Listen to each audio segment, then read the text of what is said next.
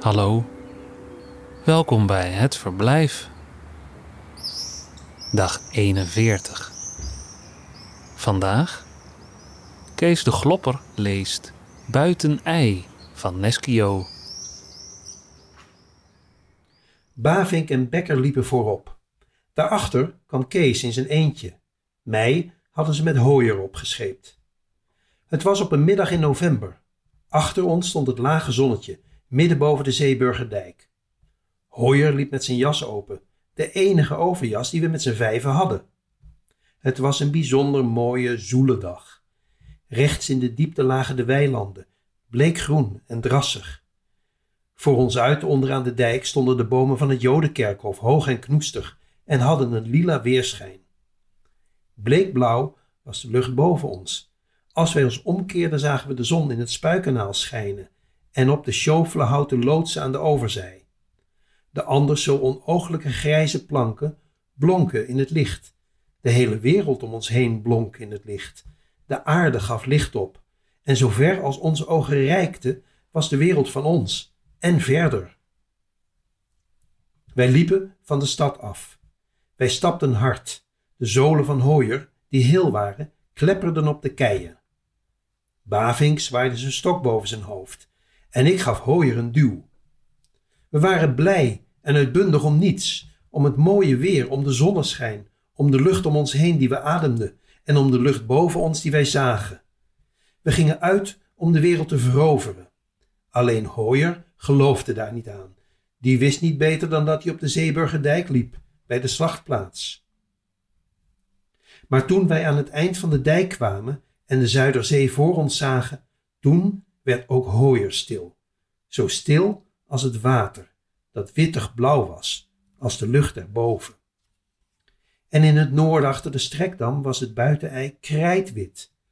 Een vrachtboot en een sleepbootje stoomden erin naar de stad, van oost naar west.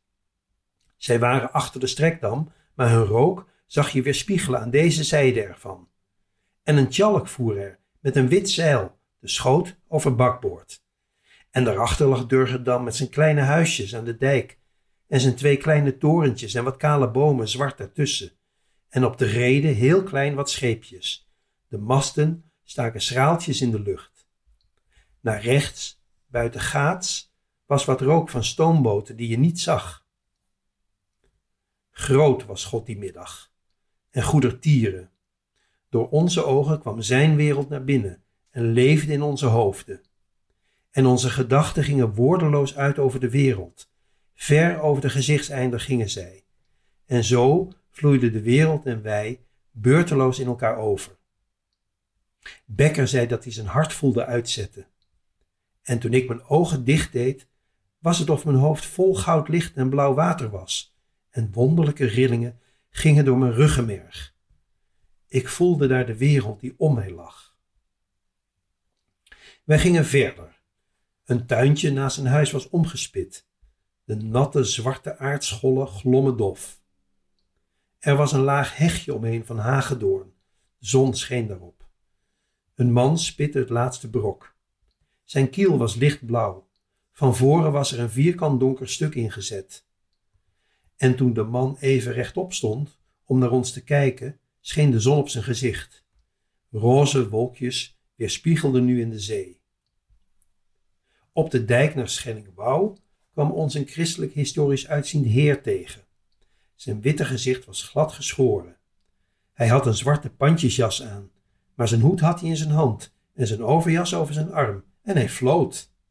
Het was 22 november. Dat vonden we aardig. We hadden neiging de man de hand te drukken, maar waren bang dat hij ons niet begrijpen zou. En zijn gezicht was zo erg wit. Om vier uur werd de zon heel laag, groot en rood en zonk koud en glansloos achter een loods in de haven van Amsterdam. Eenzaamheid kroop op uit het grasland buiten de dijk tegen het oosten.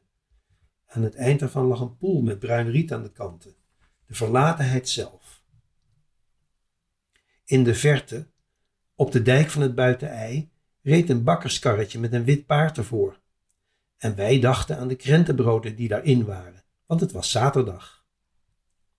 En in een eenzaam huisje brandde een theelichtje op tafel, vlak achter het raam, en aan weerszijden was het dulle gordijntje een beetje opgenomen. En het theepotje stond op het lichtje. En we werden geheel vertederd. De wereld zouden we later wel veroveren. Nu dachten we meer aan wat eten en drinken. Brood met koffie, want het werd koud. En aan de vloer met wit zand en de kachel van het cafeetje in Schellingwouw. In het cafeetje zaten we stilletjes aan het raam. Ik keek naar het oosten, de dijk af, naar een paar schrale verwaaide bomen aan de waterkant, naar het water en de lucht die donker werden. En toen zei Hooyer, die tegenover me zat, kijk eens, wat een lucht! In het zuidwesten was de hele hemel geel. En ik ging dwars op mijn stoel zitten en keek en vond dat alles goed was, zoals het was, en dat er niets meer te veroveren viel, en leefde. En toen we op de dijk liepen tussen Schellingwouw en Nieuwendam, met het binnenei links en de onafzienbare weide rechts, toen was al het water felgeel tot aan de stad. Aan de andere kant liepen de sloten het land in en waren heel even roze gekleurd. Zo heel even dat ik eerst meende dat het aan mijn ogen lag, doordat ik zo erg in het licht had gekeken. En aan het einde der weide zag je nog even de dijk van de Zuiderzee. Het land was zo weemoedig in die novemberschemering. De vierkante toren van Ransdorp in de verte en de rij van nietige huisjes aan weerszijden ervan. Ze scheiden zo noden van de dag dat het was alsof het na deze schemering niet licht meer worden zou. Zo zou het wezen als wij stierven.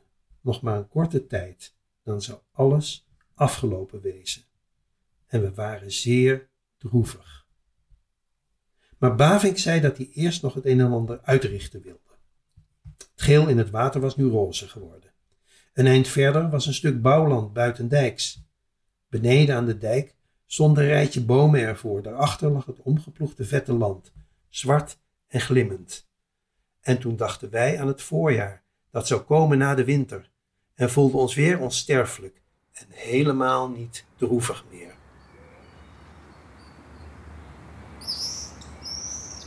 Het verblijf is een initiatief van Mark van Oostendorp.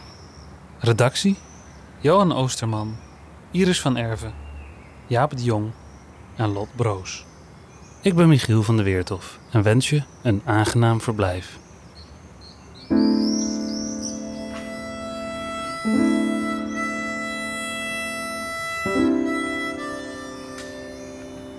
Tot morgen.